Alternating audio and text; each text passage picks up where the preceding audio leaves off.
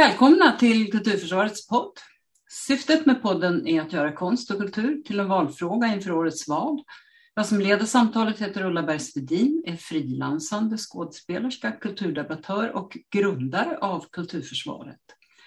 Dagens gäst är Mikael Brännvall, jurist, reservofficer i flottan och sedan 2017 VD för arbetsgivarorganisationen Svensk scenkonst.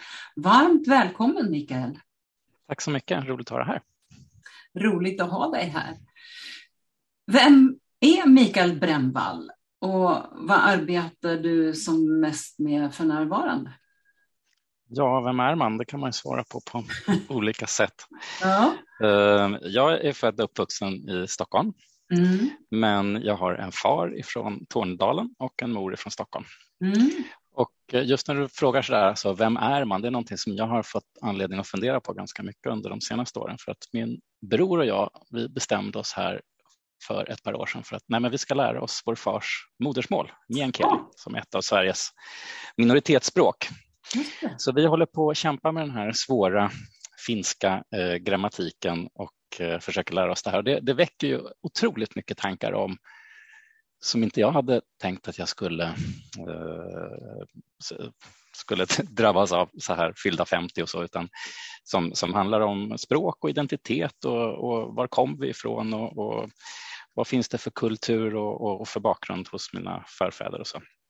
Så att vi kämpar på, min bror och jag, med, med, med vår meänkieli. Vi försöker alltid att eh, vi, vi, vi, kanske förstår idag 30-40 procent av språket så där, men, men sinsemellan så försöker vi alltid när vi smsar och så att uh, uttrycka oss på det.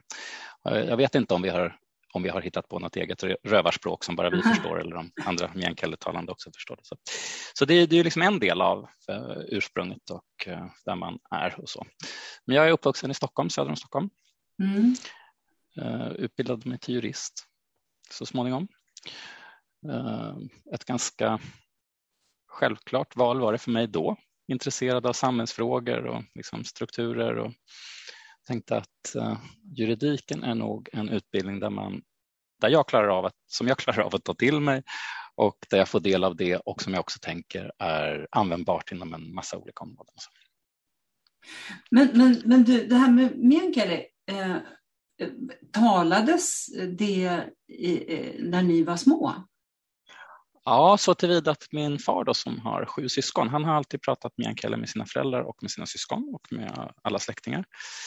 Eh, mamma pratar inte språket och Nej. förstår inte alls. Eh, så att min tillvaro när jag var liten, det var väldigt mycket så när min pappas bröder var hemma hos oss, vilket var ganska, ganska ofta, så, så pratade de meänkieli och sen så kom mamma in i rummet så bytte de, kunde de byta i samma mening till, till, till svenska. Så språket har alltid funnits där, men, men det var liksom ingenting som man aktivt lärde sina barn vidare. Det var, det var liksom inte viktigt på den tiden, vilket är lite intressant därför att min pappa är egentligen väldigt intresserad av sitt ursprung och sitt språk och väldigt stolt över det och så. så att, men, men han har aldrig aktivt eh, försökt föra över det, men tycker att det är väldigt roligt nu. Han är, han är 80 år idag. Han tycker det är väldigt roligt att vi, att vi håller på med det här. Nu.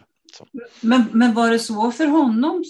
För det, det var det väl för, för en hel del av eh, barnen som talade meänkieli att de inte var tillåtna att göra det utan skulle lära sig svenska? Absolut, det var ju på det sättet att, att alla skollärare på 40-50-talet, de togs ju söderifrån. Och, eh, och talade, talade inte det lokala språket. Och, och, och, och tanken var då att i skolan så skulle man så att säga försvenskas och, och, och lära sig det svenska språket. Så att eh, de fick ju straff vad jag förstår till och med om de blev påkomna med att tala någonting annat än svenska på rasten. Så att, Ja, Att, eh, det här är ju någonting som, som jag tror har satt ett ganska djupa spår hos, hos, hos väldigt många som, som, av den, i den generationen. Så att säga. Och, ehm, och sen kan man säga då att eh, lite längre fram också att det har för många också förenats tror jag med en viss skam eller åtminstone att man tycker att det har så att säga, varit eh, försvårande. Så att, så att de som har vuxit upp lite senare, då, min, min fars yngsta bror då, som är lite sladdbarns där, han, han, eh, eh, honom talade man medvetet väldigt mycket svenska med för man tänkte att han ska inte få de här problemen i samhället. Så just det. idag ser man ju helt annorlunda på de här frågorna. Idag försöker man ju förstärka barns modersmål på ett annat sätt. Ja, tack och lov. Ja.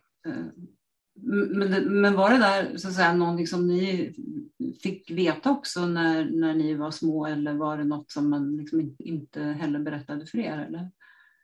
Jo, men det, det har man nog berättat sådär. Det, det fanns nog mycket historier och så om, om, om hela den situationen, absolut. Ja. ja men för annars det har jag varit medveten om hela livet. Så absolut. Ja, just det. Mm. För många gånger så har man ju hört om, om eh, människor som har föräldrar som har varit med om de där, sådana saker oavsett om det har varit det eller att det har varit eh, flyktingar eller så, att man, har, att man liksom inte har berättat det för sina barn. Mm. Ja. Men intressant att höra att ni eh, håller på att lära er språket. Ja, nej, men det är väldigt roligt. Det, men det är också, jag, jag, tycker att det är väldigt intressant eh, att se vad språket betyder för identiteten. Alltså det här är frågor som jag inte har för egen del funderat alltså Jag kan ju liksom intellektuellt ha, ha kunnat resonera om det här tidigare, men, men att man, man ändå själv uh, ja, drabbas av en massa insikter. Ja, och identitetsfrågor är ju också en del av det som du ju hanterar i din nuvarande roll, kan man ju säga. Ja, i alla fall våra medlemmar. Ja, precis. Som är, som är, som är Sveriges scenkonstverksamheter. Eller hur? Eh, och vad, vad, du håller på med avslutningsarbete nu inför sommaren i ditt mm. jobb. Mm. Ja, vi har jobbat otroligt intensivt med att stötta våra medlemmar, eh, göra vad vi kan för att stötta medlemmarna under två års pandemi. Mm. Um, och det är nästan så att när man tittar tillbaka, man kan ju inte förstå att, att uh, det är en hel bransch som faktiskt staten förbjöd att bedriva sin verksamhet under två år. Mm. Det, uh, många har haft det otroligt uh, kämpigt, både, både verksamheterna och så verksamheternas anställda, inte minst alla frilansare. Och, och, och, vårt perspektiv har ju varit att stötta arbetsgivarna och, och verksamheterna i, i, det här, men också att, att eh, synliggöra problemen för politiken på olika sätt. Så det har varit otroligt intensivt och sen så är vi ju självklart jätteglada att pandemin är över, att allting startar upp nu, men, men, eh, men eh, det har också varit väldigt tufft för många och är fortfarande för många, för många verksamheter.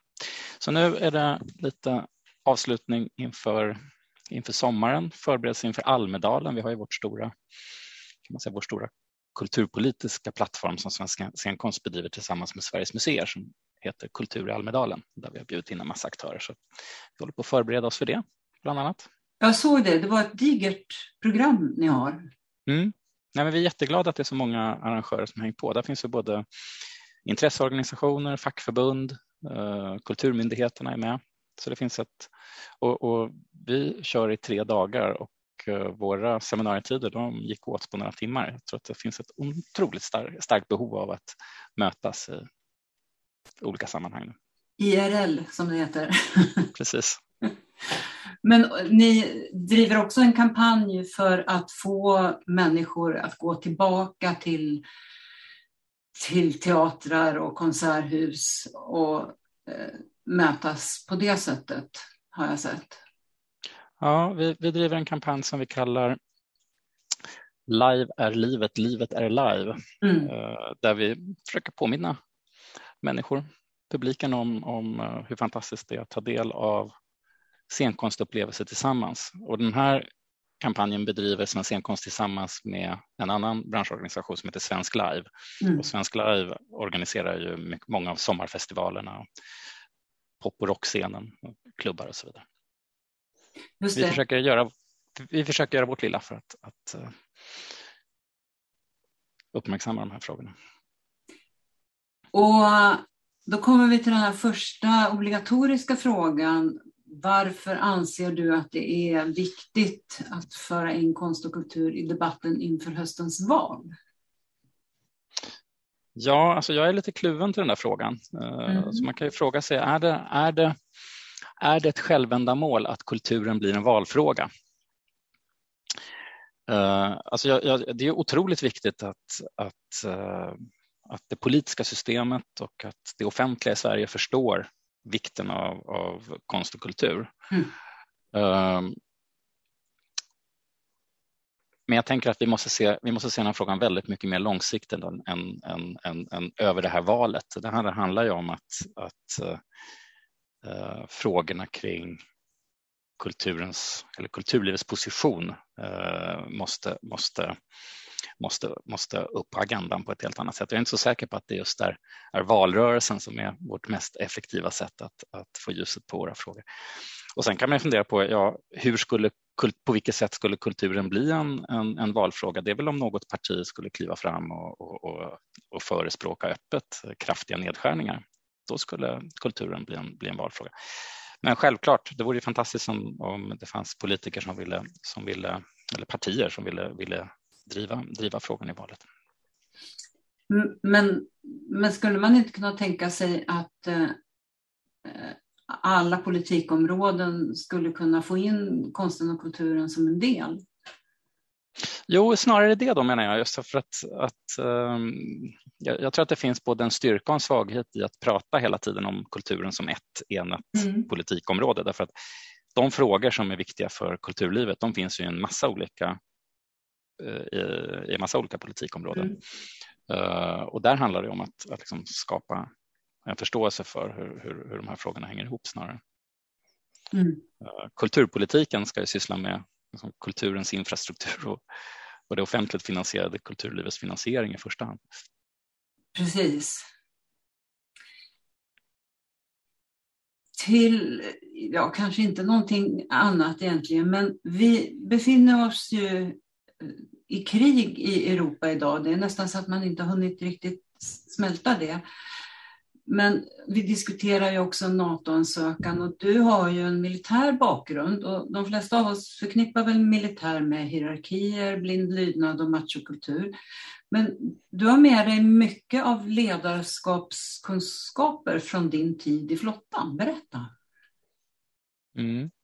Ja, men jag är utbildad som du nämnde inledningsvis, jag är utbildad reservofficer i flottan och har också tjänstgjort mycket, både i tjänstgöring ombord och i staber och så, gjorde det under mina studieår. Eh, och efter min juristexamen så gick jag tillbaka till marinen och jobbade där med, med personalfrågor mm. i, i, i, några år. Och eh, jag har med mig så otroligt mycket därifrån av både alltså ledarskapsfrågor. Alltså jag ska säga att, att i försvaret är man väldigt bra på att driva mjuka frågor. Mm. Och det handlar om ledarskap, eh, arbetsmiljö, liksom attityd och värderingar. Man har under, under min period i personaltjänst jobbade vi jättemycket med att motverka missbruk, mm. trakasserier, jämställdhetsfrågor.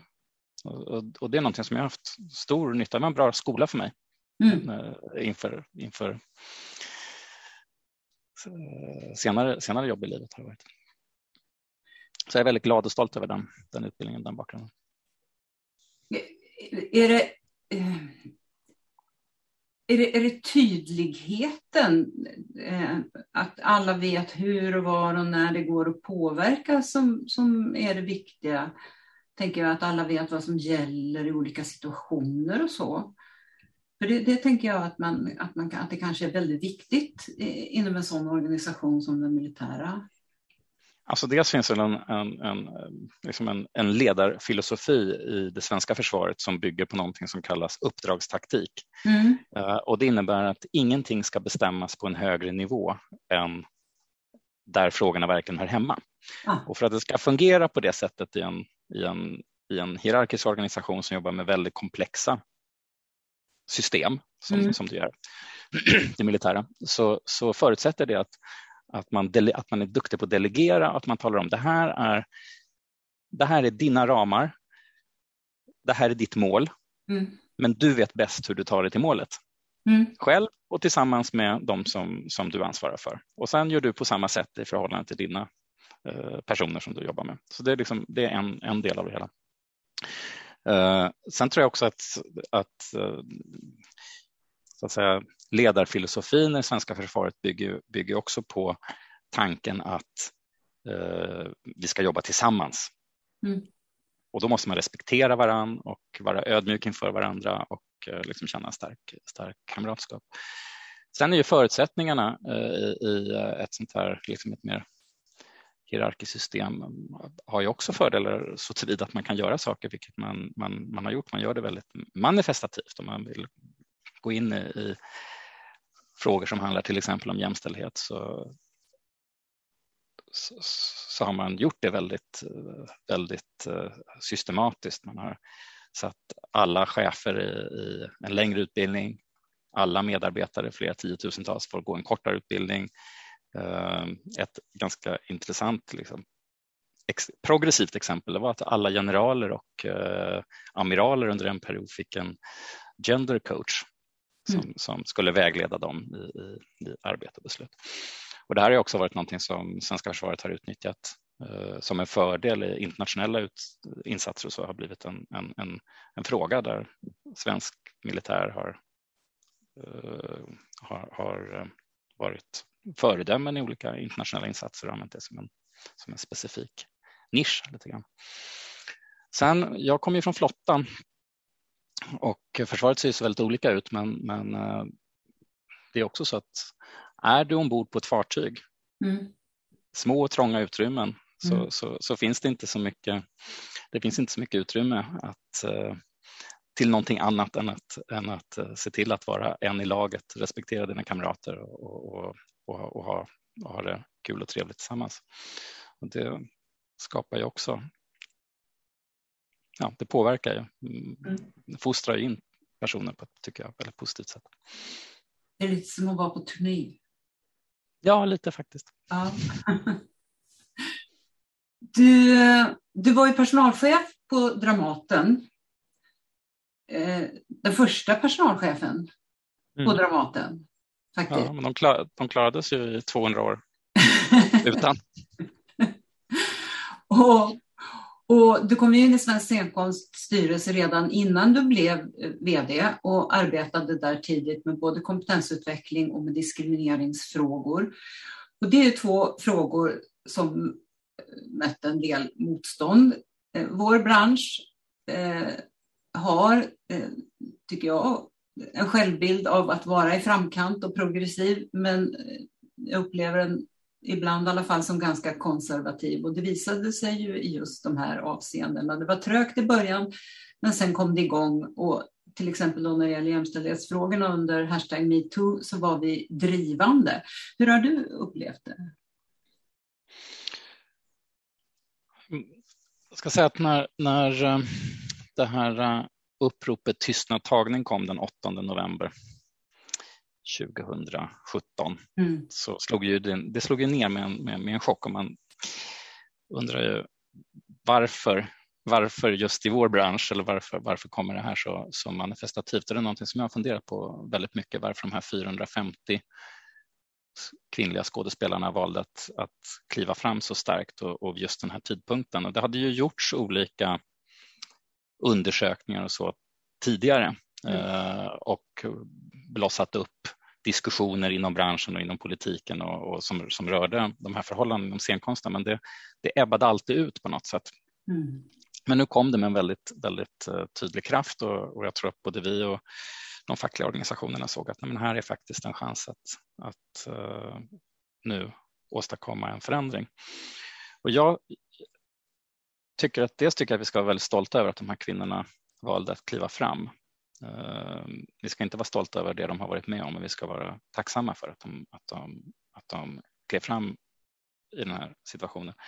Och jag tror att vid den här tidpunkten, då var tiden mogen. Då hade frågan diskuterats ganska mycket i branschen. Det hade kommit upp, bland annat i skådespelarutbildningen hade man, hade man diskuterat uh, uh, jämställdhetsfrågor. Mycket mm. hade drivits olika projekt ett antal år. Så att jag tror att det delvis berodde på att eh, det fanns en bransch som var mottaglig för eh, den här lite, lite eh, djupare och bredare diskussionen kring de här svåra frågorna. Sen, sen, ja. sen kan jag hålla med om, jag håller med om den, den bilden att, att vi pratar gärna i branschen om att vi är en modern och väldigt progressiv bransch, men, men i själva verket så, så, så värnar man väldigt mycket om de strukturer och så som, som finns. Och då menar jag inte bara negativa strukturer, det kan, liksom, det kan handla om organisatoriska frågor eller rutiner och sånt. Mm. Uh, och det kan vi också fundera på vad det, vad det beror på. Och möjligen kan det, kan det i alla fall delvis uh, handla om att många upplever att man har, har en att det finns en, en eh, osäkerhet på många håll kring, kring det så att säga, kring det konstnärliga arbetet, att det är många, många som kommer in som är, som är frilansare, att man då håller fast vid de strukturer som finns för att få lite ordning och stadga i, i, i tillvaron. Och det är klart att, att det gör också att det är svårare att förändra. Ja, jag, jag, jag tror också lite grann att vi har, vi har lärt oss lite att det kan, vara, det kan vara farligt att klaga för då kan det bli värre. Istället för att det kan bli bättre om vi försöker göra någonting åt saker och ting. Och, och det, det, har det ju visat sig att det kunde bli också just när det gällde de här frågorna. Därför att man inte blev trodd eller man blev istället för att man fick hjälp så kunde man bli, bli utpekad så att säga. Så att eh, det är precis som du säger, nu var tiden mogen för att både bli trodd och eh, få att, att det blev ändring, så att säga, att alla var överens om att jo, men det här måste vi ta tag i. Mm. Sen kan man ju också säga att, att eh, det här följdes ju av ett, ett antal upprop i många andra branscher. Ja, precis. Och, och, och en del branscher som inte har samma liksom, publika intresse som, ja. som scenkonsten. Men jag, man kan också notera att det finns ett antal eh, branscher där det inte har funnits något sånt här upprop. Mm. Eh, och då kan man fråga sig att eh, är det branscher som har, eller där det har varit ganska tyst, jag tänker till exempel bank, försäkring och så vidare, mm. innebär det att man inte har de här problemen eller är det tecken på någonting annat?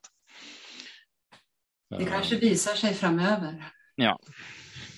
En annan fråga ehm, där vi inom scenkonstbranschen arbetar på ett sätt som liknar det som ni inom flottan eh, har arbetat på eh, tidigt, vad jag förstår, är samverkan mellan arbetsgivare och fack. En, en god samverkan mellan arbetsgivare och fack. Berätta om de erfarenheterna.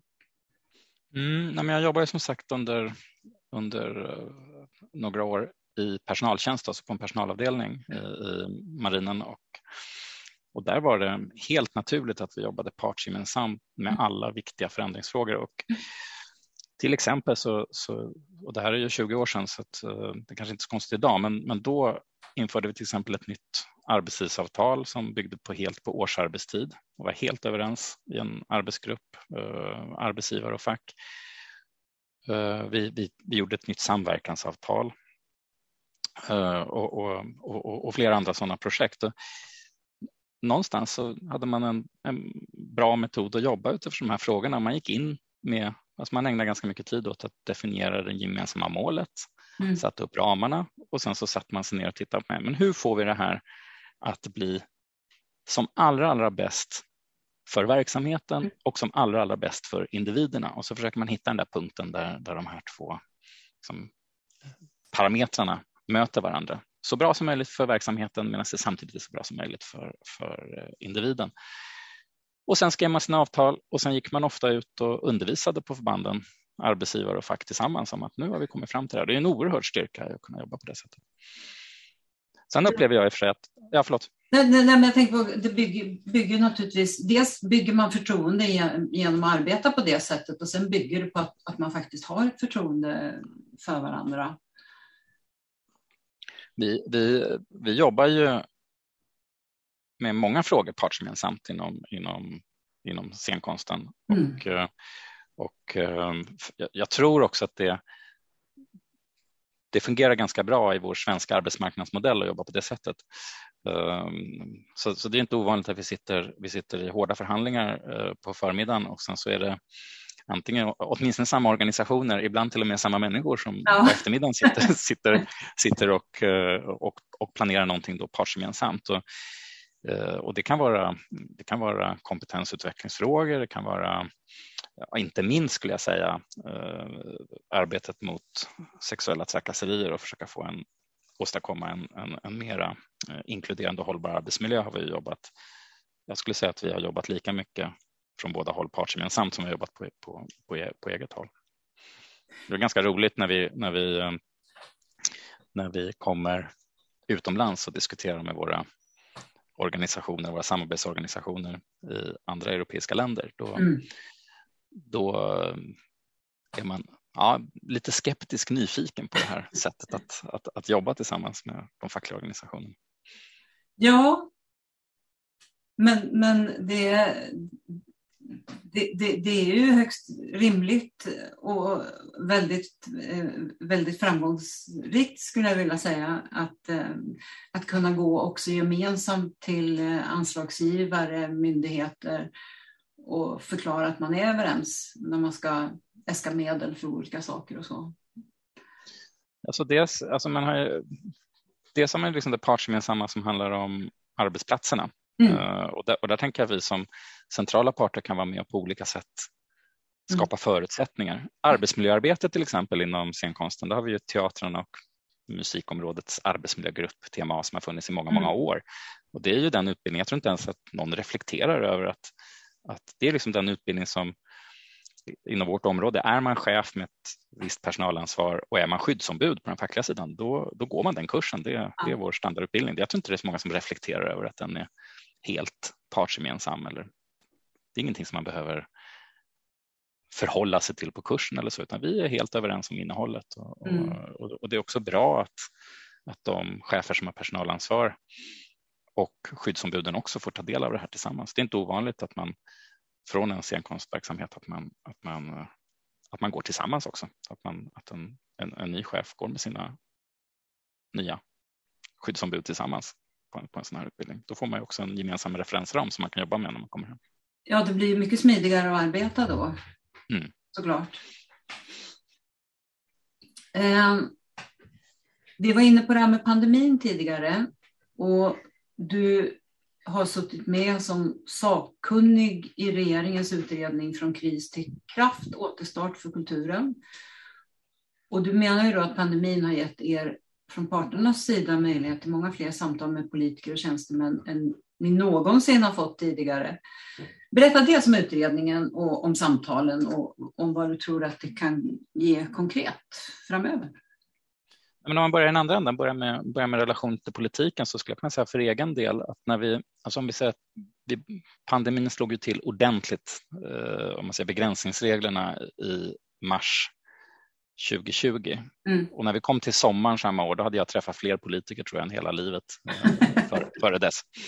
Ja. Uh, och det som var, det som var, och det är klart, vi har alltid, alltså, organisation som Svensk scenkonst har ju en, alltid en nära och liksom bra, eller alltid en nära i alla fall, relation till politiken på olika, olika nivåer. Men, men nu fick vi faktiskt tillfälle att prata med andra än de vi brukar så att säga. Så att säga kulturministern och kulturdepartementet hade ju inte direkt ansvar för de viktigaste frågorna, för här handlar det om att få, få, att, att få näringsdepartementet att förstå att det fanns kommersiella aktörer som behövde stöd. Här handlade det om att få Finansdepartementet att förstå att, att man måste förstärka den, den uh, offentliga finansieringen. Vi pratade med, med, med Socialdepartementet och Justitiedepartementet om de här olika begränsningsreglerna och vaccinationsregler och så vidare. Och, så vidare.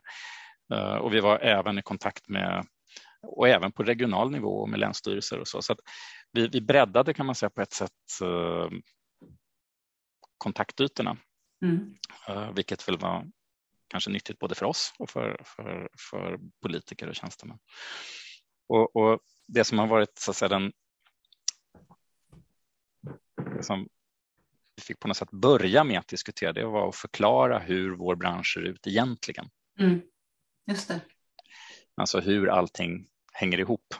Det, det, här som vi alla har kanske som, som är i det som en tyst kunskap men som man faktiskt måste förklara att att eh, det fria kulturlivet, institutionerna, alltså de privata, kommersiella eh, scenkonstaktörerna, amatörkulturen och ideella arrangörerna, att, att de hör ihop i ett mm. komplext och eh, jätteskört system. Mm. I en arbetsmarknad som är till många delar i alla fall överlappande eller, och i vissa delar kanske till och med helt, helt, helt gemensam mm. och där frilansande tekniker och konstnärer rör sig sömlöst över de här olika gränserna. Mm. Och det går inte bara att gå in och stötta en del. Mm. Och man kan inte bara gå in och stötta, stötta institutionerna eller bara gå in och stötta det privata, utan man måste, helheten måste, måste, måste underhållas ja. och smörjas så att säga, för att allting ska, mm. ska, ska fungera. Och, och, och, det var vårt, och, och det var också ett av, ett av de frågorna tycker jag som uh, diskuterades mest i, i återstartsutredningen. Alltså inte bara, inte bara det här systemet utan generellt tycker jag att Linda Zachrisson som var den särskilda utredaren, utredaren och hennes sekretariat har lyckats i den här utredningen att uh, på ett bra sätt beskriva de här systemen. Mm. Så vill man, vill, man, vill man lära sig lite mer om, om hur kulturlivet fungerar, hur de här sköra systemen ser ut och vad som är de så att säga, svåra, svåra punkterna så det är en väldigt bra, väldigt bra läsning och det, det tycker jag är den allra, allra största poängen med den här utredningen. Sen la man också ett liksom bra förslag och, och, och, och om, om, om, olika, uh, olika krisinsatser. Uh, det, det gjorde man, men jag tycker att det som, är liksom det som kommer vara det bestående, uh, det, det är den här beskrivningen. Det kanske är första gången som det här, de här systemen är så tydligt beskrivna enligt min uppfattning. Ja. Man skulle önska att det vore obligatorisk läsning för alla politiker på alla nivåer som har något uppdrag när det gäller konst och kultur. Mm och kanske lite seminarier kring det också med inbjudna människor från kulturlivet så de fick ställa lite frågor och så. Mm. Och, och, och sen vet jag inte om man når ut så där brett, men det är, ändå, det är ändå intressant att se att den här utredningen, många utredningar de, de, de har ju ganska kort livslängd. Mm. Uh, när väl så att säga, politiken har, eller regeringskansliet har, har gjort sina beredningar så, så, så faller de i glömska. Men den här utredningen var ju föremål för flera diskussioner nere på BIBU till exempel, alltså barn och mm. ungdomsbiennalen i, i Helsingborg för några veckor sedan. Så, så, så den, den, lever fortfarande och jag tror att den kommer ha en ganska lång livslängd och, och, och en sån utredning som man går tillbaka och tittar på. Ja, där tänker jag att åtminstone någon journalist skulle kunna slänga in någon fråga i valdebatten ändå och fråga om vad händer nu med alla de barn och unga som faktiskt har förvägrats konst och kultur. För, för dig och mig kanske inte är lika farligt eh, att vi inte har kunnat gå ut och se föreställningar eller mötas på det sättet. Men för de här barnen, det är ändå två förlorade år det kommer ju säkert att visa sig på något sätt framöver. Åtminstone någon kunde väl ställa den frågan, det kan jag tycka. Mm. Mm, ja, verkligen. Och det, och det, kan man säga att, att det är ju en av de, en av de, uh, en av de punkter där det finns en, en risk att det blir långsiktiga strukturella problem. Ja. Två år när man är 50, det, det, kan man, det är en sak. Ja. Men, men, att förlora två år och två år i skolan också när man, när man går kanske på mellanstadiet, Eh, och det kanske ja. är precis under de, precis de årskurserna när en viss skola har bestämt sig för att alla elever ska få se en föreställning eller gå på en konsert. Ja. Och, och det innebär att, att uh, många barn kan ha missat chansen att få en livslång relation till scenkonsten. Ja. Och det är inte så att alla, behöver, alla, alla behöver inte älska scenkonst, uh, men man kan åtminstone få chansen. Ja, precis. Och det är ju sånt människor berättar om man ber dem att förklara var de har fått sitt intresse för konst och kultur ifrån, så är det ofta den typen av upplevelser som mm. någonstans finns i, i bakgrunden. Eh, du var ju inne på det här eh, tidigare, att det finns eh, många utmaningar för dina medlemmar och hela branschen efter pandemin. Vilka är de största? Men jag tror det är viktigt att man ser att vi inte är igenom pandemin ännu, mm. alltså att, att det finns ganska svåra konsekvenser fortfarande och vi står också inför en, vi är i början på en ganska lång återhämtningsperiod mm. och då är det ju, och jag, jag, jag, tror att det är särskilt viktigt att det finns uh, en trygg och stabil och långsiktig finansiering under, under de närmaste åren när allting är så, är så väldigt skört. Så där finns en oro naturligtvis. Vad händer med finansieringen? Vi får ju signaler. Eh, man behöver bara öppna tidningarna så förstår man att, mm. att det är en hård konkurrens om de offentliga medlen och den, den, den kommer inte minska. Så det, det tror jag är en stor utmaning. Sen har vi då rent liksom under den här nu återtagandefasen som vi, som vi befinner oss i nu, eller man säger uppstartsfasen, eh, så är det faktiskt fortfarande så att det är privata aktörer som kämpar för sin överlevnad. Vissa, vissa också inom den fria sektorn som, som eh, ännu inte är på fötter.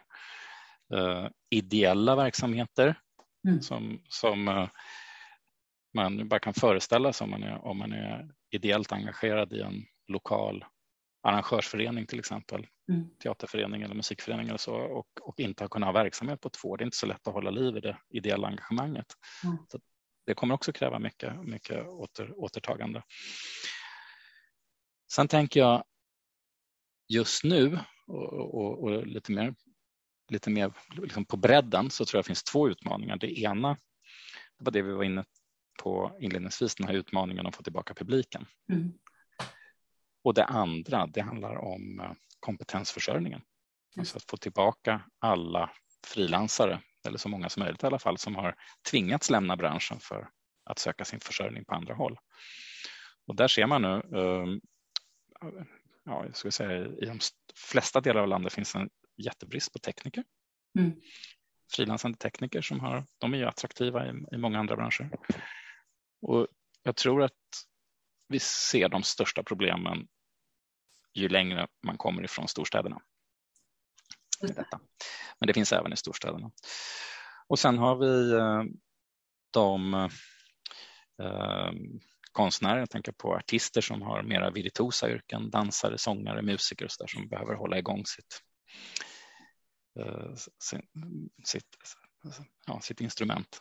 Mm varje dag. Vad, vad, vad har hänt med dem? Och framför allt de som har kommit ut från skolorna under de senaste åren. Jag tänker inte bara under de två pandemiåren utan kanske också åren, låt säga ett, två, tre år dessförinnan som inte tar ju tid på en sån här, i en sån här bransch att få, att få fotfäste på arbetsmarknaden. Mm.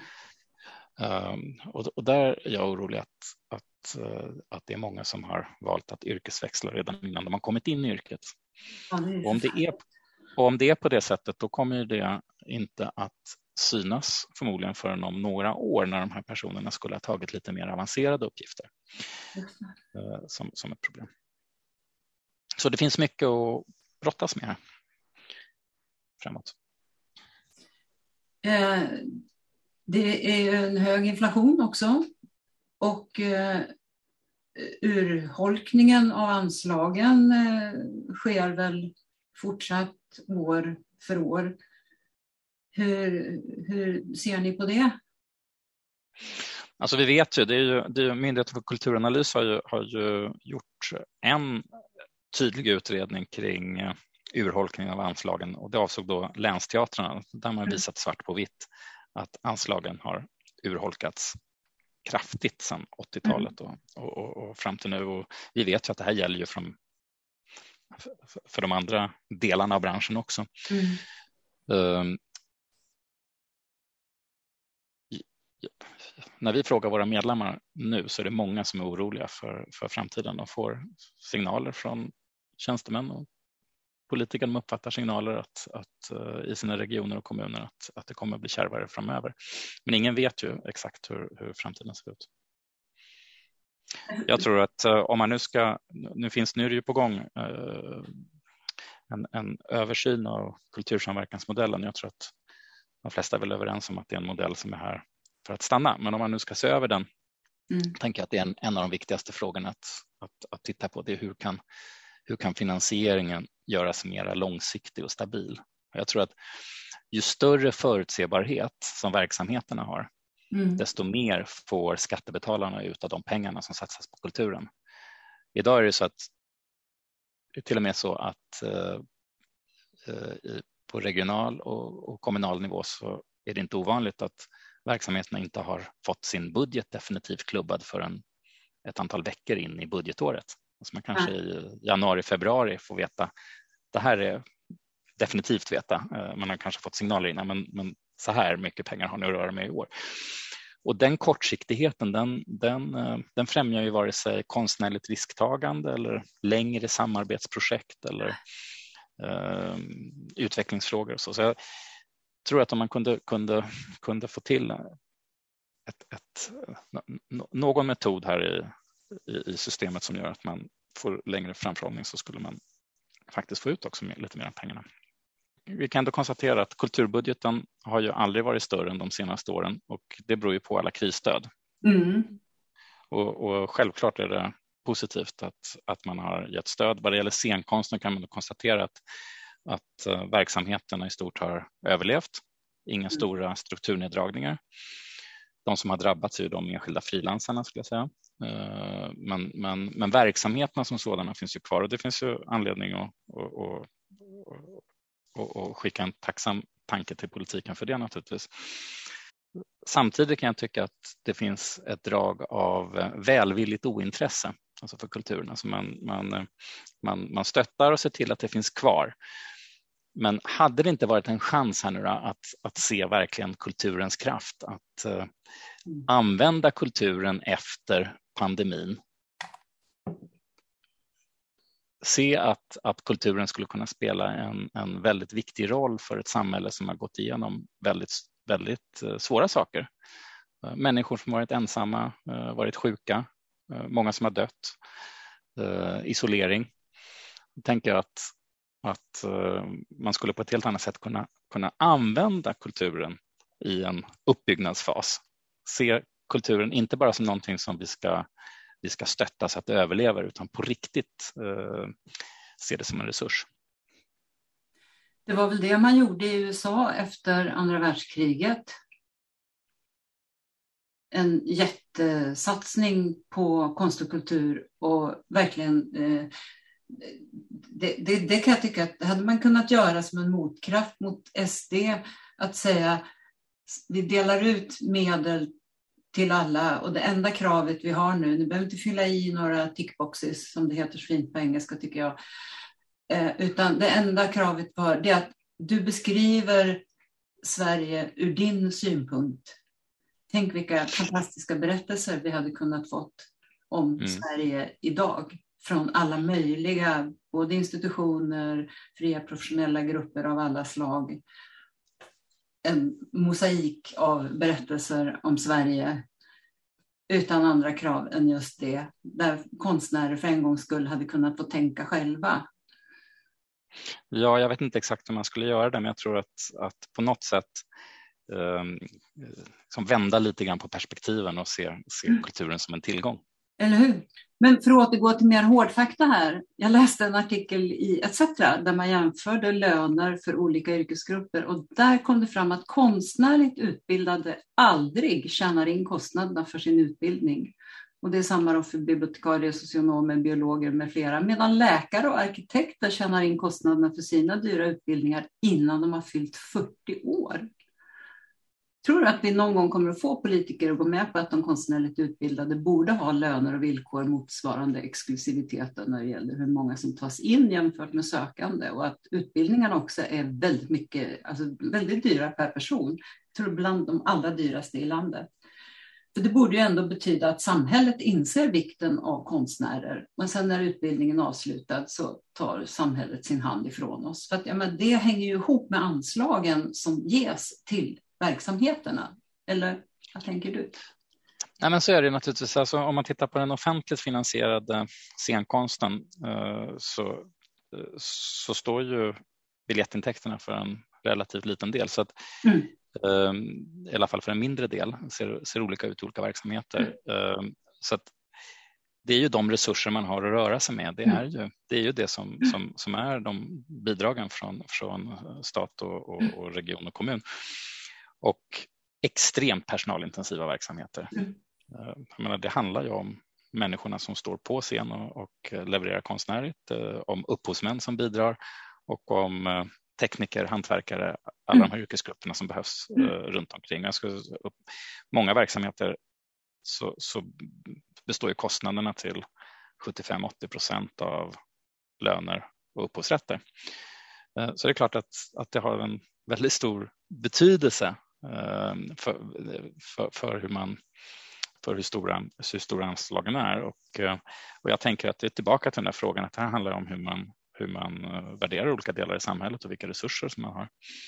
Sen vet inte jag om precis antal sökande per plats eller hur, eh, eller hur exklusiv eller dyr en utbildning är, om det är precis det som ska vara, som ska, som ska,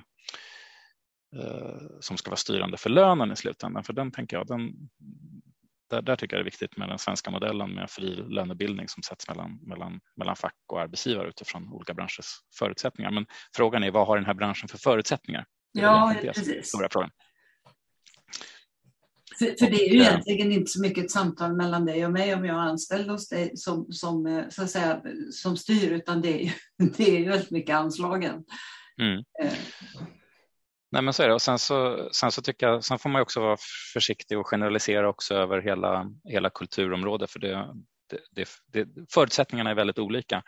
Mm. Um, inom scenkonsten så har vi ju kollektivavtal uh, och det bygger till i alla fall väldigt hög grad. Eh, vad det gäller den offentligt finansierade scenkonsten så bygger ju, bygger ju uppdragen på anställningar. Och mm. så ser det ju inte ut i hela, hela kulturlivet. Nej. Det, det, så det, man, man får lite, lite, lite försiktigt. Men, men, men, självklart är det så att, att, eh, att eh, det handlar om de resurser som man, som man får. Precis men, men jag, tror, jag tror kanske att det finns någon slags föreställning om, eh, om, om att eh, man ser, man ser sådana här uppräkningar i, i tidningar, hur mycket vissa personer tjänar och så tänker man att det gäller generellt för alla artister kanske. Eh. Men så där kan det vara och, och jag tycker det är intressant hur man eh, Ja, precis. Man, jag, tror, jag tror att många har en Eh, har en föreställning om att eh, lönenivån är utifrån, utifrån eh, vissa, vissa, vissa kändisars exempel helt enkelt. Så är det.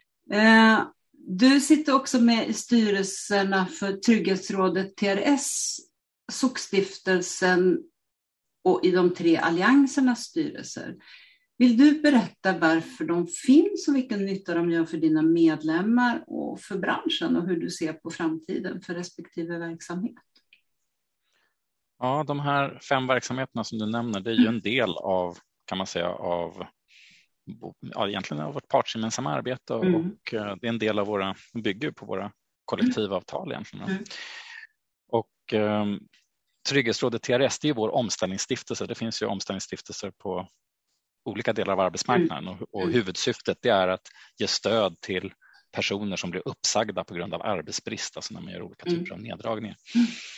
Och, ehm, och eh, vi har ju den förmånen att ha ett trygghetsråd som ja, det omfattar ideell, delar av ideell sektor och uh, scenkonsten bland, bland annat. Och, uh, och vi har ett trygghetsråd som är relativt litet, lättadministrerat och finns väldigt nära vår bransch. Mm. Så vi har, kunnat, vi har kunnat utveckla det och kunnat gå före faktiskt flera andra omställningsstiftelser. Bland annat så var vi en av de första som eh, gav stöd till tidsbegränsat anställda, alltså mm. frilansare som hade tidsbegränsade anställningar som, som ville yrkesväxla därför att man, man, man inte såg att man kunde få försörjning längre. Mm. Eh, vi har också jobbat med kompetensutveckling, ehm, stöttat verksamheter då, eh, där man till exempel på en, på en teater eller ett konserthus eller dansverksamhet som, som eh, vill arbeta med kompetensutveckling som ett medel för att utveckla verksamheten, individerna och nå liksom, de framtida målen. Och där har vi varit, varit tidiga. Sockstiftelsen, eh, där det är då alltså scenkonstens omställnings och karriärväxlingsstiftelse. Och eh, den har ersatt ett tidigare gammalt pensionssystem som eh, av de, ja, vissa yrkesgrupper som typiskt sett inte kunde arbeta ända fram till den vanliga pensionsåldern, till exempel dansare som ofta måste yrkesväxla vid 35-40 års ålder. Så i Sockstiftelsen så försöker vi underlätta yrkesväxling helt enkelt uh, istället, för att, istället för att ge till exempel en dansare en, en, en sämre pension vid 40 års ålder så, så syftar det här till att uh, man istället då ska kunna få uh, ska kunna yrkesväxla och kunna få hjälp till, till ett annat arbete. Just det. Och Alliansbolag. Ja, det är då tre stycken, tre stycken aktiebolag som ägs av eh, arbetsmarknadens parter tillsammans och det är då Teateralliansen, Dansalliansen och Musikalliansen. Och eh, totalt sett så är det, ja, vad kan det vara nu, 350-400 totalt sett eh, skådespelare, dansare, musiker som är anställda av de här alliansbolagen. Och de alliansbolagen då, de ägs av arbetsmarknadens parter men finansieras huvudsakligen genom statliga bidrag. Och tanken är då att, att när en skådespelare till exempel som är anställd i Teateralliansen får en, ett kontrakt som skådespelare, då tar man tjänstledigt från Alliansen och så har man då sin lön från den teater till exempel som man arbetar med. Men mellan de här arbetena eh, där man då tidigare hade kanske gått och stämplat eller tagit sig fram på något annat sätt. Då är man istället i alliansen och så tillhör man en arbetsgemenskap och man får kompetensutveckling och eh, också viss eh, ja, viss rådgivning eller så för att, för att, för att eh, hitta, hitta, hitta nya jobb eller arbetsförmedling. Och jag tror ju att, att det som staten lägger in i de här systemen, det vinner man i andra delar i form av olika typer av arbetsmarknadsinsatser för de här personerna. Och samtidigt så ser vi då till att ett antal hundra personer har en tryggad försörjning kan på heltid ägna sig åt sin konstnärliga verksamhet. Och, och framför allt är det här också en kulturpolitisk insats som innebär att vi ser till att vi har de ja, väldigt, bra, väldigt bra tillgång till, till uh, frilansande artister på högsta konstnärliga nivå. För det är nämligen så att när man söker när det blir en tjänst ledig på något av alliansbolagen då är det öppet för vem som helst att söka. Mm. Men, men kriterierna för vem som får tjänsten, det handlar om den som är mest den som är mest anlitad och på det sättet så försäkrar man sig om att det är personer som kommer in som kan försörja sig inom branschen och som, som också är, är, är flitigt anlitade.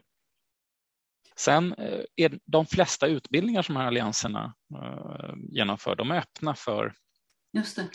för andra professionella frilansare. Alltså de gör jättestora insatser för de som inte är anställda i bolagen. Och det här är någonting som vi håller på och utvecklar. Och under pandemin har de ju spelat en, en väldigt stor roll för att, mm. att eh, skapa, uh, ja, för, för, att hålla igång alla helt enkelt på olika sätt. Sen tror jag, så jag, tror att, jag tror att det här är på den nivån vi är nu så tror jag att, att, att, att det är välinvesterade pengar. Sen måste det hela tiden finnas en balans, eh, för jag tänker att man kan inte låta allianserna växa på bekostnad av kulturverksamheterna. Det måste, finnas, det måste också finnas någon som, som har råd att, att anlita alla de här artisterna. Så, att, så att det är också viktigt tycker jag att det finns en, att det finns en balans i hur liksom, så man tänker på att det finns också anslag till de verksamheter där till exempel skådespelare ska, ska anställas. Mm. Men du var ju inne på förut eh, situationen för de nyutbildade. Även där har ju Teateralliansen gått in. Mm. Alliansen har gjort, eh, alla tre allianserna, fast på lite olika sätt, eh, gjort olika insatser för nyutbildade. Både, både utvecklingsinsatser, det finns exempel på mentorskapsprogram har man jobbat med inom delar av Musikalliansen till exempel. Eh, Dansalliansen och Teateralliansen har anställt i speciella program. Eh, gjort, gjort eh, andra typer av anställningar som man inte brukar göra. Utan, utan det, och det är återstartsmedel som, som en följd av, av återstartsutredningen.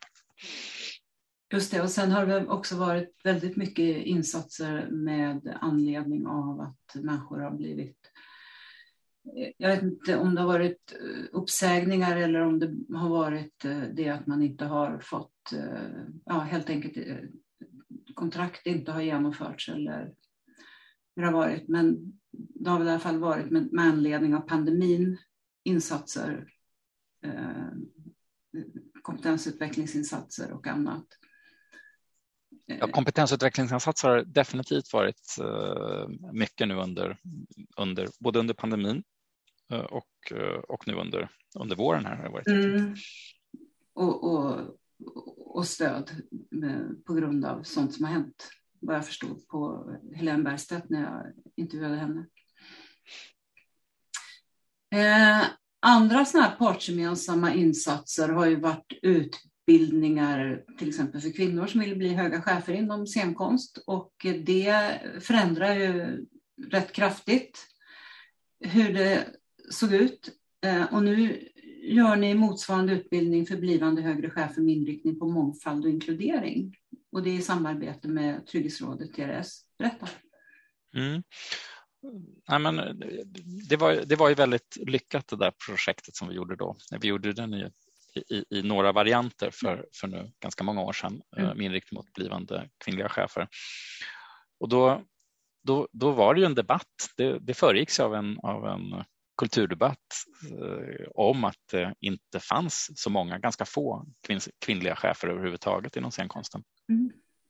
Och eh, det fanns de som öppet sa att eh, nej, det finns inga kompetenta kvinnor att rekrytera till de här posterna. Men om de finns så vill de inte.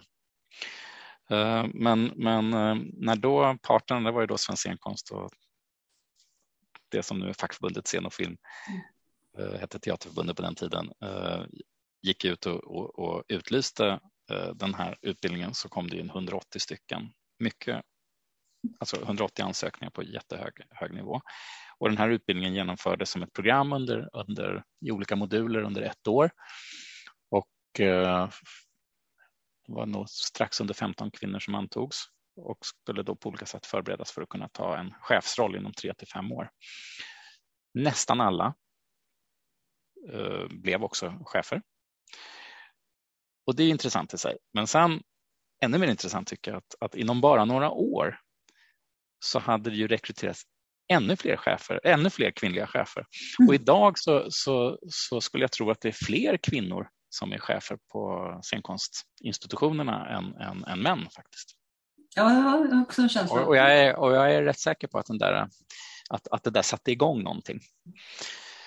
Eh, och nu, och det här har vi funderat på nu i, i, eh, i ett par år. Pandemin har fördröjt det här lite grann, men nu är vi redo att göra den här i en, i en eh, version då där vi har där det är en inriktning mot chefer som vill arbeta med mångfald och inkluderande ledarskap. Och eh, vi siktar på att ta in 15 stycken. Eh, ansökningstiden gick ut för några veckor sedan. Det kom in 150 ansökningar. Wow.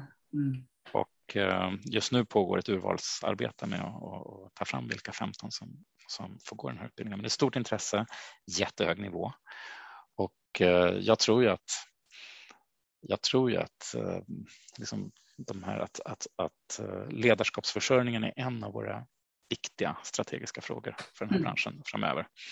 Och det, och det handlar ju om att, att, att hitta personer som, som ja, som, som är liksom beredda att leda scenkonsten in i framtiden. Uh, och det är, tror jag, en särskild utmaning i, i en bransch där många, det, det är inte så lätt att göra, och, och göra karriär så att säga uh, internt alla gånger till de här chefsnivåerna, utan man får, man får tänka, lite, man får tänka lite, lite vidare och lite annorlunda och försöka vidga, försöka vidga kretsen av personer som rekryteras till, till de här positionerna. Så det ska bli jätteintressant att se vad utfallet blir. Ja, det blir väldigt spännande. Ni har ju också inom Svensk scenkonst samarbete med arbetsgivarorganisationer inom Europa och internationellt och ingår också i EUs eh, sociala dialog. I vilka frågor då? Ja, um, om vi börjar då med vår, vår, så att säga, vår Europaorganisation som heter PEARL um, som består av motsvarande organisationer från de europeiska länderna. Så, så det kan man säga att, att där, där utbyter vi erfarenheter kring många frågor. Det har varit jätteviktigt nu under pandemin till exempel att kunna uh, och, och, och, få jämföra med hur, hur, det ser ut mellan, mellan olika länder. Vi driver också uh, påverkansfrågor uh, mot Europeiska e EU-kommissionen och det är ju väldigt många frågor idag som, som eh, inte handlar om kulturpolitik men som berör kulturområdet. Eh, det kan vara arbetstidsfrågor, eh, det kan vara frågor som handlar om teknikfrågor till exempel har varit är, är, är återkommande uppe på tapeten att, att man vill ta de frekvenser som, som våra verksamheter använder för radio, radiomikrofoner vill man använda till, till tv-bolagen till exempel. Eh, och det kan handla om eh, skattefrågor. Vi har väldigt komplicerade skattesystem i Europa som egentligen handlar till om att öka rörligheten men, men som inte riktigt fungerar när man kommer och gör korta uppdrag. Eh, det finns eh, ett antal EU-direktiv som handlar om eh, anpassning av upphovsrätt. Mm. Ja, du hör, det, det är massa olika frågor som, som, som på olika sätt påverkar vår bransch. Så, att, så att, där driver vi genom vår Europaorganisation ett, ett arbete för att informera politikerna i, i, i Bryssel helt enkelt om, om att det här påverkar vårt om, hur det här påverkar vårt område. Eh, och sen nämnde du eh, den här eh, sociala dialogen och det är mm. ju EU-systemets eller kommissionens, kommissionens sätt att, att, att samråda med arbetsmarknadens parter. Och då brukar våra jurister få åka ner och representera så att säga, scenkonstarbetsgivarna vid dem. Och det kan vara en, en, en, speciell fråga som man väljer att lyfta upp eller ett par frågor inför, inför den beredning då som man gör i, i kommissionen. Det handlar ofta om väldigt konkreta, på... konkreta för, för oss andra obegripliga frågor men som är jätteviktiga ja. i slutändan. Men det handlar om vilka frågor som är uppe där. Så... Ofta, där är det ju arbetsmarknadsfrågor alltså som, ja, som berörs. Ja. Men jag kan, ta ett, jag kan ta ett exempel på en fråga som vi brottas med just nu. Och det, det är någonting som kallas utstationeringsdirektivet som då går ut på att, att uh, om en person tjänstgör i ett annat land så ska man så ska man ha det landets eh, eh, villkor på arbetsmarknaden. Mm. Det kan vara minimilöner som det andra, men det kan också vara kollektivavtal. Mm. Och det är lätt att förstå varför man har sådana mm. regler. Men det blir problematiskt om en orkester till exempel ska, ska göra en Europaturné och måste ta reda på, jaha, nu är vi i Frankrike, vilka, vilka, vilka, vilka avtalade regler finns här? Och det behöver inte bara handla om, om Eh, lön utan det kan handla om andra typer av villkor och så vidare. Så det blir, det blir svår, väldigt svårhanterligt för, mm. för en sån här bransch. Jag förstår.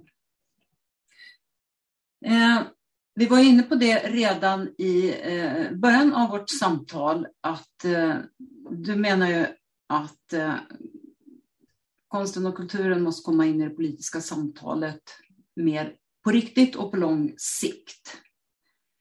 Hur, hur tänker du att vi ska kunna göra det konkret? Ja, alltså, där kan man säga så här, om man börjar med konsten och kulturen, det är ju ett vitt begrepp och det är vi mm. massa olika organisationer med olika intressen. Mm. Men jag tänker att var och en utifrån sina förutsättningar måste vara beredda att ta diskussionen på ett mycket mer långsiktigt och systematiskt sätt. Jag tänker att vi är en bransch där vi kan vi, vi, vi är ganska bra på att bli arga och reagera över en viss fråga. Mm. Men det blir ibland lite tomtebloss, tomteblosseffekt. Jag tänker att vi måste, vi måste jobba mycket mer så tänker vi i alla fall om svensk scenkonst. Vi håller på att rusta oss för det nu, att, att, att jobba mycket mer långsiktigt med frågorna. Nu håller vi på till exempel med eh, jobba med frågan kring eh, utbildningskedjan inom musikområdet. Mm. Det är jättekomplext. Problembilden är då att, att att eh, vi har till och med eh, yrken inom musiken, till exempel blåsmusiker som, ett, som ett, håller på att bli ett bristyrke i Sverige. Vi har relativt få, relativt sett så, så är det många som går ut Musikhögskolan som, som in, alltså när, man, när orkestrarna rekryterar så rekryterar man eh, relativt få svenska, svenskutbildade, svenskutbildade musiker. Och, ehm, och det kan man säga att ja, de, de, som, de som spelar orkestrarna de gör ett bra jobb men man tappar ju också någon, någonting i den lokala förankringen om, om, om, om, om det bara är folk som kommer tillfälligt. Så, så att, då måste man titta på hur ska man då, hur ska man då förbättra den här eh, utbildningskedjan och vad finns det för brister? För att det är, en, det är en komplicerad kedja som hänger ihop från det att barn börjar med sång i förskolan. Kanske det första som man, man, man får del av. Uh, och, och, där sätts ju nivån någonstans av hur ser, hur ser, hur ser förskollärarutbildningen ut? Mm. Hur mycket musik finns det där? Mm. Det, det, har försvunnit ganska mycket kan jag säga under, under många år. Kulturskolan, Mm. Den jämlik, jämlik tillgång till kulturskola. Eh, kan man, eh, att, att man har samma möjligheter att, att utöva en viss konstform eller ett visst instrument oavsett var man bor i landet. Så är det inte idag. Det är stor ojämlikhet mm. runt om i landet. Hur det här interagerar med skolan, skolans estetiska ämnen, mm. hur de ser ut ända upp till gymnasiet möjligheten för de som går i kulturskolan att, att de som vill utveckla sig och som är, är så, så, talangerna så att säga, hur, hur, hur, hur utvecklar man dem så att de går vidare? I många fall för att komma in på en konstnärlig utbildning, det är definitivt så när det gäller musikutbildningarna på högskolenivå att man behöver ta sig igenom ett antal förberedande utbildningar och sen för att då komma in på den utbildning som, sen, som man sen blir professionell. Och, och, och jag vågar påstå att, att om man till exempel är en ung musiktalang och inte har inte bor i storstad och inte har föräldrar som, har, som är ganska resursstarka eller har, och har kulturintresse så är det ganska svårt att ta sig den här, den här biten. Det, så det är, en, det är, ett, det, det är ett, ett, ett Eh, system som man behöver jobba med på många olika plan mm. och som, eh, och som eh, handlar både om kulturpolitik och utbildningspolitik, mm. vilket inte underlättar. Nej. Ett system som ska hänga ihop. Och det här är ett exempel där vi kan säga där vi inom Svensk scenkonst tillsammans med andra organisationer också, men där vi, där vi jobbar nu systematiskt för att både ta reda på hur, hur det verkligen är, för vi mm. behöver också öka vår kunskap successivt inom olika delar och där vi också jobbar med att informera politiker och tjänstemän om mm. Hur läget är och för försöka föra en dialog om, om, om vad som kan förändras. Och om, man då, så säga, om vi då ska kunna påverka vad som kommer ut ur musikskolan, ur musikhögskolan mm. och det börjar med barnsång, då, då illustrerar det på ett väldigt bra sätt tycker jag hur långsiktigt man måste mm. orka och våga jobba med de här frågorna. Så det är det jag menar. Det, sen, är det ett, sen är det ett vanligt sånt eh, hantverk som vi håller på med inom branschorganisationen. Att göra uppvaktningar, skriva artiklar, eh, ta fram underlag, seminarier och så vidare. Men man måste definiera vad man vill och man måste vara mer långsam. Och jag, och jag tror att vi behöver göra det här lite grann inom liksom, eh, ett antal olika delfält om vi på allvar ska kunna påverka kulturens samhällsposition. Ja, jag, jag, jag, blir väldigt glad när jag hör, eh, hör dig prata för att eh, jag, jag, tror också att, att det är så att man måste samverka med andra delar i samhället. Mm. För det finns, jag har upptäckt, inte minst nu när jag har intervjuat människor, det finns många människor inom andra delar i samhället som, som jobbar dagligen för att uppfylla de här vackra orden i kulturplaner på olika nivåer. Mm. Och, jag, tror, jag tror verkligen att vi skulle ha glädje av att samarbeta med dem. Ehm, och sen så tänker jag också på det du sa i början om eh, alla de här eh, politikerna och tjänstemännen som du plötsligt hade fått eh, möjlighet att tala med. Och ibland är det ju så att sådana här eländesperioder skapar nya möjligheter. Mm. Ser du det så att du har fått kontakter nu som gör att du kan, du kan få till samtal som du inte kanske hade möjlighet innan för att du har fått nya kontakter?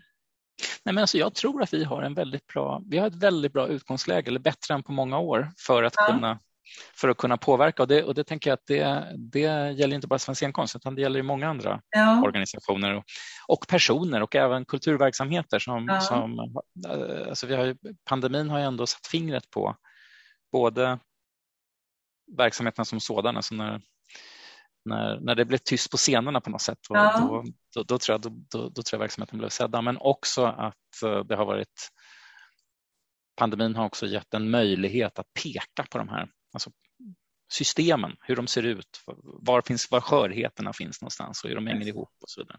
Och, och det är klart att nu har vi en chans och, och den kanske, det här kanske vi kan leva i nu.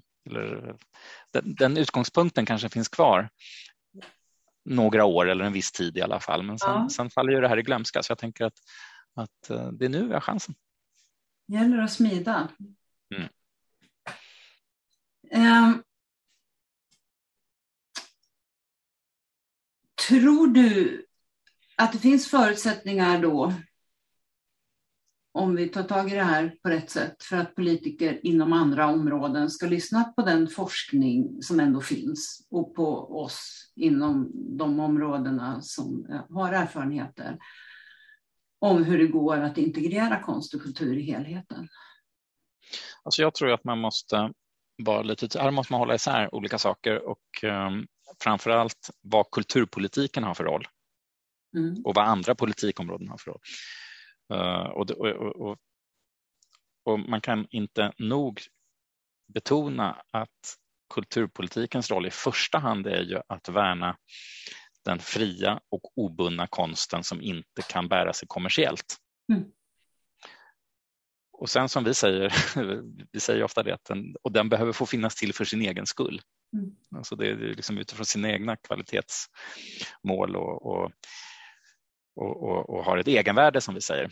Ibland kanske vi trasslar in oss i ord som när vi pratar om egenvärde som missförstås.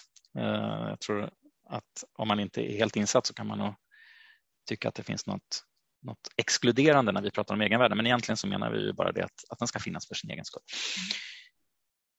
Sen har vi när vi pratar om andra politikområden, det kan ju handla om eh, socialpolitik, hälsa till exempel. Du pratade, om det var det du menar med forskning, det kan vara näringspolitik. Eh, det kan vara som handlar om, eh, om kulturella kreativa näringar. Det kan handla om alltså att, att, att alltså företag, företagande, entreprenörskap som på olika sätt kan dra nytta av konsten och kulturen. Eh, vi kan prata om konst och kulturen i stadsutvecklingen också. Det är, tre exempel på olika politikområden som, där, där konsten och kulturen kan spela en betydelse. Men det är fortfarande så att det inte är det som är konstens uppgift. Nej. Precis. Utan, men jag tror ju att, att uh, om, vi kan, om, vi, om vi har en fri och obunden konst i hela landet på högsta nivå så kommer det att vara en möjliggörare för de här andra politikområdena. Att det är så man ska se det. Alltså ändamålet med att, att, eh, eh, eh, att, att, att, med en viss konstform, det kan ju aldrig vara att vi ska få ner sjuktalen. Alltså det, börjar man resonera på det sättet så, så, så tror jag att man lurar sig. Jag tänker att vi behöver förklara att, att, att en stark kulturell infrastruktur i hela landet kommer att möjliggöra för, för, för andra politikområden. Men det är inte det som är liksom huvudsyftet. Ungefär så tänker jag. Nej, men precis, och det, det tänker jag också, men, men, men samtidigt så vet vi ju att eh, vi, vi, vet att om barn och unga får eh, delta i kulturella aktiviteter, om de får dansa, så påverkar det både den fysiska och psykiska hälsan och så vidare. Men jag, jag, tänker att målet är ju inte precis som du säger, men, men effekt, samhället får ju effekterna. Och då mm. tänker och då jag, måste, vi, då, då måste, måste de betala. Ja, men alltså vi måste ju, ja, men jag tänker att, ja, ja, men jag tror fortfarande att det ska vara kulturbudgeten, men jag, jag, jag tror att någonstans att, att vi måste ju kunna prata om de här effekterna utan att fastna i något spår eh, där, där vi alltid säger att ja, men då, blir, då blir kulturpolitiken instrumentell och så blir det på något sätt ett, ett, ett lite förbjudet eller farligt område att gå in i. Jag tänker att, att, att om, man, om man bara håller isär begreppen Ja. Då kan man mycket väl, och kan man mycket väl och det, och det är ju en viktig fråga, till exempel vad, hur, hur, hur, hur kulturlivet kan spela en, en, ja. en, väsentlig roll i stadsutvecklingen eller utveckling ja. av platser ja. till exempel. Det är en jätteviktig fråga. Men, men jag tror man ska ta det från det hållet. Alltså man ska gå in i, i, det, kultur, i det politikområdets behov och, och, och förklara utifrån det. Inte, inte vända på det och, och, så att det på något sätt blir att vi, vi, vi ska att, att vi ska att vi ska på något sätt ursäkta kulturen med att det också Nej, är lite, det också är lite nyttigt. Inte för min skull som skådespelare utan det är för, det, det, är för, det, är för, det är för mänsklighetens skull, så att säga. Mm. Det, är, det, är inte för min skull. Det är kulturpolitik, precis som du säger. Alltså mina villkor och min, mina förutsättningar, precis som... Men jag menar, det är ju ingen som ifrågasätter att människor som jobbar inom vården pratar om vikten av vården. Det är ju ingen som misstänker dem för att prata för sin sjuka faster, om man säger så. Nej, nej, visst. Utan visst. de pratar ju för alla, andra sjuk, alla andras sjuka fastrar. Och det är ju ingen mm. som gör, tycker att de är konstiga för det, så att säga. Utan, utan... Absolut, men, men samtidigt så är det ingen som, det är ingen som pratar heller om vården som, som eh, eller försöker förklara vården med att, att den behövs för, för, eh, för att skapa attraktivitet i en stad på det Nej, sättet. Precis.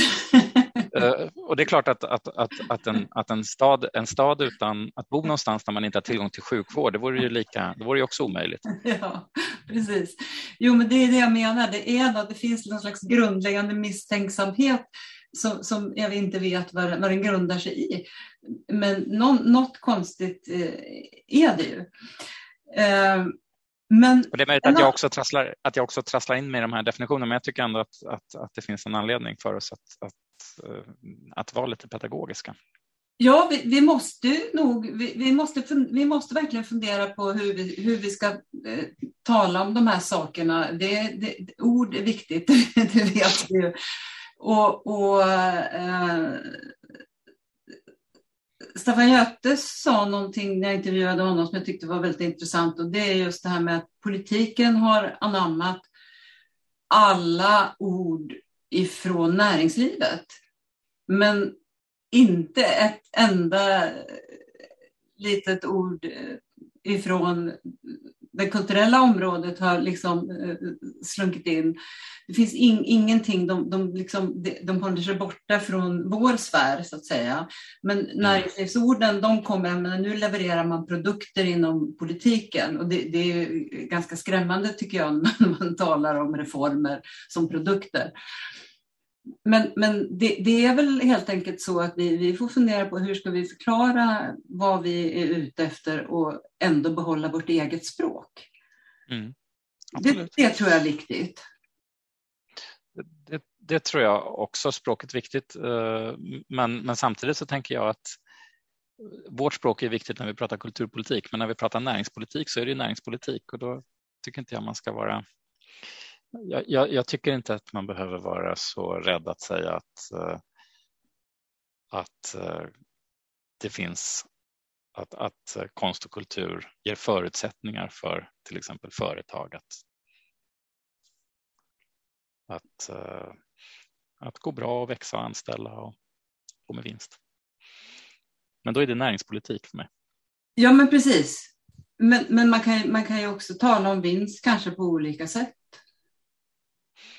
möjligt. Ja, det kan man säkert, men jag tänker, det, men det, då är vi tillbaka lite om vi, om vi pratar om uh, den offentligt finansierade kulturen. Det, den, den, där kan vi faktiskt ta bort vinst ur ekvationen. Ja, om, om, om, vi talar, om vi talar om verksamheterna, men, men jag tänker mm. om vi ska ge oss in och tala om vad, vad det kan ge till samhället så kan det ju kanske ge kan det ju Värden. Mm. minus i kostnader i framtiden. Och det mm. är ju det är också en vinst. Mm. Och, och det, där, där tänker jag att vi kanske inte, att, att vi är lite rädda för det här, precis som du sa, att, att vi ska bli anklagade för att prata om, om konst och kultur som instrumentellt. Mm. Eh, men, men samtidigt så vet vi att, att vi bidrar till det. Ja, och de värdena måste vi kunna prata om. Ja, Mm.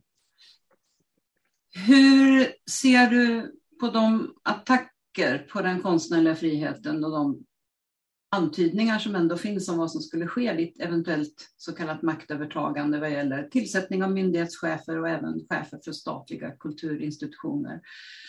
Tror du att armlängds avståndsprincipen kommer att hålla? Vi ser hur snabbt flera partier sluter upp bakom SD när de slår till i andra frågor på ett sätt som vi inte har sett tidigare. Ja, men vi kan väl börja med där vi befinner oss idag och, mm. och kan ju konstatera att eh, liksom konstens autonomi, om man så säga, att den utmanas ju. Mm. Uh, och det visar inte minst den här rapporten som Mika skrev mm. för ett år sedan ungefär. Uh, och som, som ju visade att, uh, att styrningen påverkar på en massa olika sätt. Mm. och jag tänker att det här handlar om politik som politiska övertramp i enskilda frågor, men det handlar också eh, minst lika mycket om hur det hanteras av tjänstemän. Mm. Ibland med väldigt goda förutsättningar, liksom, agerar i, i någon sorts mm. i, i någon sorts anda och påverkar direkt eller indirekt. Mm. Och, och, och, jag tänker att det här är sådana frågor som jag tror att man ska vi har en jätteviktig uppgift, eh, alla vi som är engagerade i det här och ser det här, att påtala de övertramp som sker, att se till att det hela tiden finns en diskussion. Eh, jag tycker att det här är ett område där man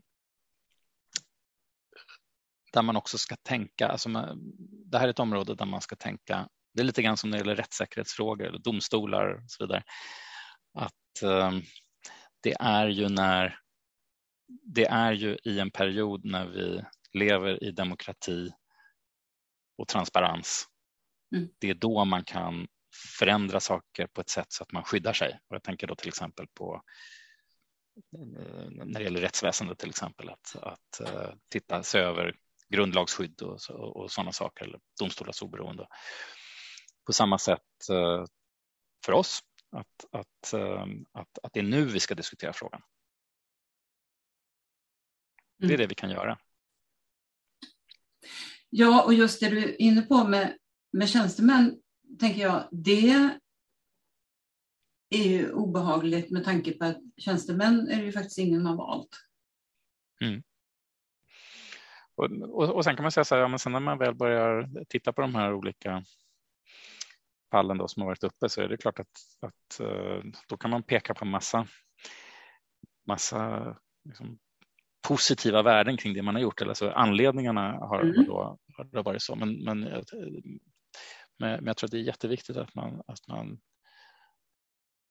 att man eh, inte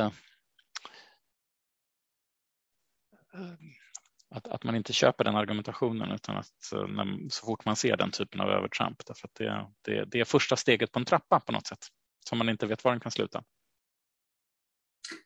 Precis. Det tror jag också är väldigt viktigt. Nu har jag en avslutande fråga till dig och då antar jag att du är lika skeptisk till den som den första. Nämligen på vilket sätt och av vilka anser du att konst och kulturpolitiken bör debatteras inför valet?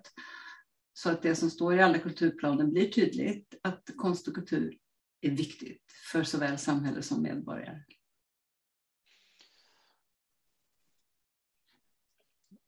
Ja, alltså om man, om, man, om man vidgar frågan till att inte bara inför valet utan, mm. utan man talar om, om det mer, liksom, vad behöver vi prata om politiskt? Jag tänker, så där, jag tänker på att, att vi behöver ringa in var och en för sitt konstområde vilka, vilka frågor som är viktiga för att föra frågan framåt. För scenkonsten så tänker jag att det är några olika, några olika områden som vi behöver fokusera på. Mm.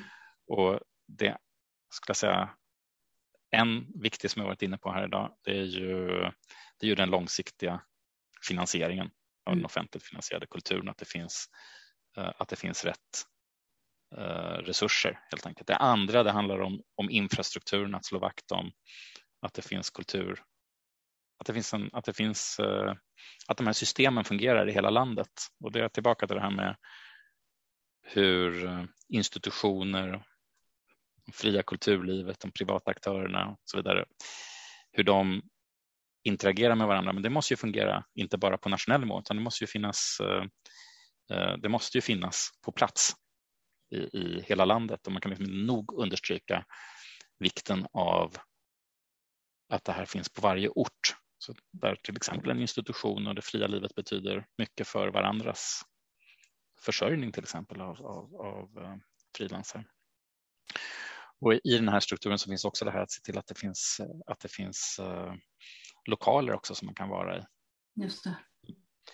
Vi ser hur både fria grupper och där kan man säga att där klarar sig institutionerna ganska bra men att det fria kulturlivet och, uh, och de privatteatrarna till exempel, där ser vi att när det försvinner lokaler, ofta på grund av för höga hyror eller att hyresvärden vill någonting annat, då kommer de inte tillbaka. Har det en gång blivit kasino av en teater mm. så, så, så, så, blir det på något sätt. Och sen tänker jag, det tredje skulle jag säga, eh, fortsätta den här diskussionen om konstens autonomi och vikten av, av eh, att eh, eh av att konsten är fri och då är det både det som handlar om armlängds men också som vi inte har berört här idag men, men också de här tendenserna som finns vad det gäller hat och hot mot scenkonsten och scenkonstnärer. Och sen skulle jag välja som det fjärde området uh, att fortsätta prata om de här kompetensförsörjningsfrågorna, liksom hela utbildningskedjan. Och uh, att vi inte tappar skolan. Mm. Att, man börjar, att man börjar se estetiska ämnen i skolan som kunskapsämnen. Mm. Ibland pratar man ju, även i skolan tror jag, som, som en, pr pratas det om om de estetiska ämnena som en tillflyktsort för, för eh, elever som inte klarar andra ämnen. Men, men någonstans borde ju, borde ju det också vara ämnen i egen rätt och där man ställer sina krav och så vidare. Det här tror jag också, jag tror skolan är otroligt viktig om vi ska göra den här positionsförflyttningen av kulturen. Drömmen är ju att Sverige inte bara är ett ingenjörsland utan också ett kulturland. Men det kräver jättestor långsiktighet. Halleluja. Stort tack Mikael för att du ville medverka. Men tack för att jag fick vara med. Jätteroligt samtal. Tack så mycket. Och tack för att ni lyssnade. Och den som vill veta mer om kulturförsvaret och om kommande poddar kan gå in på kulturförsvaret.se. Poddarna hittar ni på sidan och där poddar finns. Och om ni vill gå med i vår Facebookgrupp så är det bara att gå in och ansöka om medlemskap. Gruppen är öppen för alla som är intresserade av konst och kultur och tycker att det är viktigt att konst och kultur och fri press och media diskuteras som, på samma villkor som andra politikområden inför valet. Tack och på återhörande.